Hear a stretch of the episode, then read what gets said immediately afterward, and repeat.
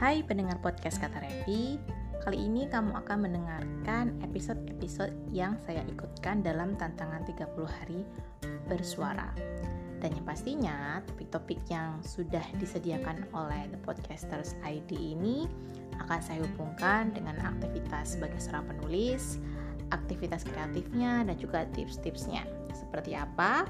Kamu harus langganan kata Revi ini di Noise atau di Anchor atau juga di Apple Podcast atau podcast-podcast apa pun, channel apa pun yang bisa kamu pakai untuk mendengarkan podcast kata Revi.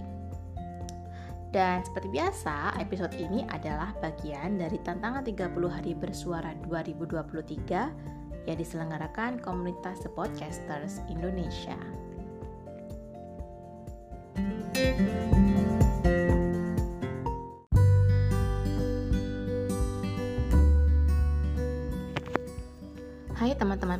podcast Kata Revi Seperti yang kamu dengar tadi di bagian intro Sejak hari pertama hingga akhir dari bulan Desember ini Saya akan mengikuti tantangan 30 hari bersuara Nah di hari yang pertama ini Apa yang akan kita bahas?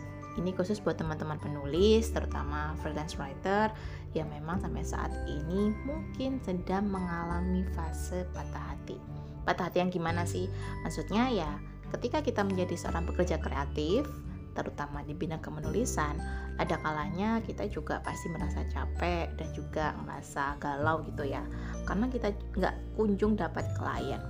Saya juga pernah merasakan di fase itu. Ketika baru pertama kali mengikuti dan mendaftar itu ya di sebuah website freelancer yang namanya projects.go.id hampir 6 bulan saya tidak mendapatkan klien kemudian saya juga tetap aktif ngeblog sih sebenarnya. Cuma waktu itu blognya juga masih belum apa ya belum steady banget gitu kan. Ada dapat klien tapi belum selancar setelah 2017 sampai sekarang. Jadinya saya merasa apa ya yang bisa membuat kegalauan saya bisa terangkat gitu. Akhirnya saya mulai memperbaiki apa saja yang butuh saya perbaiki jadi sedih itu boleh, patah hati itu boleh, tapi supaya kamu bisa mendapatkan klien pertamamu, kamu juga harus aktif dan jemput bola. Gak cuma cukup dengan manifestasi, lalu kita membayangkan imajinasi dan lain-lain, tapi kamu juga perlu melakukan aktivitas supaya apa yang kamu impikan, apa yang kamu manifestasikan itu bisa lebih dekat gitu kan. Yang pertama yang saya lakukan adalah saya mulai memperbaik menambah portofolio saya meskipun topik kepenulisan itu bukan bidang yang saya sukai. Contohnya begini, kalau kamu menjadi content writer, kamu harus tahu bahwa nggak semua topik itu akan kita sukai. Kalau misalnya kamu mau mendapatkan job dari berbagai brand atau klien, karena ya walaupun kita ngomonginnya freelance writer pada dasarnya ya kita tetap kerja buat orang kita kerja buat brand. Dan kita juga harus bisa menyesuaikan gaya bahasa kita dengan apa yang brand mau atau sesuai brief. Misalnya saya tuh eh, nggak uh, suka nulis topik-topik kesehatan karena risetnya lumayan riwah ya. Dan juga di bidang teknologi bukan teknologi sih lebih ke bidang mobil otomotif itu saya nggak suka banget karena it's not my thing gitu tetapi karena saya sadar bahwa waktu itu di periode tahun 2017 itu banyak sekali artikel atau klien yang membutuhkan untuk topik-topik beauty, topik-topik kesehatan, ya otomatis kita harus membaca jurnal. Ya akhirnya ya saya membuat contoh tulisan yang nggak saya eh, nggak saya pajang di blog sih sebenarnya. Cuma saya lakukan untuk menambah portofolio ketika ada klien yang memang lagi butuh topik dengan genre atau jenis medis dan juga beauty atau mungkin otomotif saya udah punya contoh tulisannya. Saya bilang kalau memang iya saya nulis ngeblognya nggak topik itu tapi saya bisa menulis dengan topik tersebut dengan referensi-referensinya. Alhamdulillah mulailah ada klien yang awalnya saya nulis ini ya nulis penawaran atau bid aja nggak ada yang ngelirik setelah saya tawarkan saya kirimkan bid dengan portofolio atau tambahan contoh artikel saya mulai dilirik. Ya minimal sudah ada yang ngebales lah ya untuk bercakap-cakap. Itu adalah pertanda lebih bagus. Terus yang nomor dua saya juga saya sadar sih bahwa saya itu kurang berkomunitas gitu ya karena waktu itu fokus sama nulisnya aja jadi akhirnya saya mulai mencari komunitas-komunitas online yang ada di Facebook waktu itu. Karena Sebenarnya pada tahun 2013 saya mendapatkan job menulis pertama ketika saya belum punya blog dengan domain ya workaholic.com itu saya dapatnya dari grup Facebook dan itu juga karena saya jemput bola gitu ya. Jadi saya sengaja untuk mencari komunitas artikel dan memang mungkin karena saya aktif mencari sama Allah dikasih jalannya gitu kan. Akhirnya saya ketemu yang namanya Ray Media Service.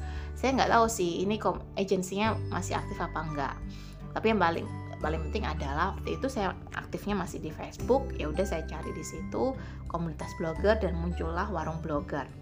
Akhirnya saya gabung di situ kemudian ya ikut blogger perempuan juga uh, lalu mulai ikut lomba. Pokoknya saya mulai mengikuti komunitas mulai menambah teman-teman di komunitas tersebut sesama blogger ya lumayan banget sih karena uh, dari challenge-nya, dari job-job yang diberikan, saya bisa mulai dilirik dan mendapatkan referral. Referral itu apa sih? Jadi referral adalah ketika kamu bekerja sama dengan seseorang dan orang itu suka dengan hasil kerjamu, lalu mereka menyebarkan tentang performa baikmu kepada orang lain. Jadi kayak testimonial gitu ya. Jadi klien yang didapat dari omongan orang lain atau rekomendasi orang lain itu namanya referral. Nah, ini yang akhirnya bisa membuat saya berkenalan dengan klien-klien sekelas IO hingga pemilik startup. Selain itu, uh, sebenarnya ini dua hal yang kelihatannya sederhana ya, tapi penting buat kalian lakukan dengan sadar. Karena mungkin ada yang mikir ah yang penting aku tulisanku bagus, ranking di uh, ranking di mana? Di Google Search gitu ya, peringkat pertama. Nggak selalu ini bisa menjamin kamu dapat klien karena kadang-kadang sekarang orang itu memberikan pekerjaan dengan rasa trust yang tinggi. Misalnya nih, kan bisa aja nih yang nulis bukan kamu, misalnya begitu. Karena kan sekarang ada AI ya kan. Terus kita juga bisa membayar jasa editor untuk mengerjakan. Ya itu nggak apa-apa sih. Jadi kamu sebagai pemilik bisnis kan. Tapi kalau kamu sendiri mengaku dirimu sebagai seorang freelance writer, ya sebaiknya kamu juga cari tahu caranya supaya tulisanmu itu mulai dilirik orang. Jadi nggak cuma meng-hire penulis atas namamu kamu yang ngumpulin kemudian kamu uh, jadikan penulis untuk brand yang menyewa jasamu. Ya it's okay itu namanya kamu pemilik bisnis. Tapi sebagai pemilik bisnis sekalipun kamu juga harus tahu dong bagaimana menilai tim-tim penulismu dengan standar yang bagus sehingga kamu bisa memuaskan klien. Ini kalau kamu berpikirnya udah mau bikin agency. Tapi bagi saya sebagai seorang freelance writer untuk menyembuhkan patah hati ya kita harus sadar diri apa sih yang kurang di diri kita. Kalau saya dulu sadar bahwa uh, saya dulu kurang memperbanyak contoh tulisan dan portofolio dari jenis tulisan yang gak saya suka. Terus yang nomor dua saya waktu itu juga cuma fokus ngeblog, fokus share di medsos, tapi belum bersosialisasi kepada sesama blogger. Saya dapat job long term mulai tahun 2021 sampai sekitar 2022 untuk nulis puluhan artikel di sebuah media uh, kesehatan ibu dan bayi. Nah ini menunjukkan bahwa walaupun saya nggak suka tema kesehatan, tapi saya bisa menulis karena saya punya contoh tulisannya. Saya juga uh, punya pengalaman untuk berusaha menulis di bidang yang nggak saya sukai, tapi dengan riset yang komprehensif. Ini bisa menjadi kunci biar kamu mendapatkan klien dan dipercaya untuk long term atau jangka yang panjang. Gimana? apakah kamu uh, sudah punya insight menarik gimana caranya supaya kamu bisa memperbaiki apa yang kamu butuhkan supaya kamu dilirik klien pertamamu. Jangan lupa untuk follow kata Revi ke ATA underscore REFFI dan juga kalau kamu punya noise kamu bisa berlangganan di sana dan tulisan komentar atau pertanyaan jika kamu butuh. Thank you sampai jumpa di podcast kata Revi berikutnya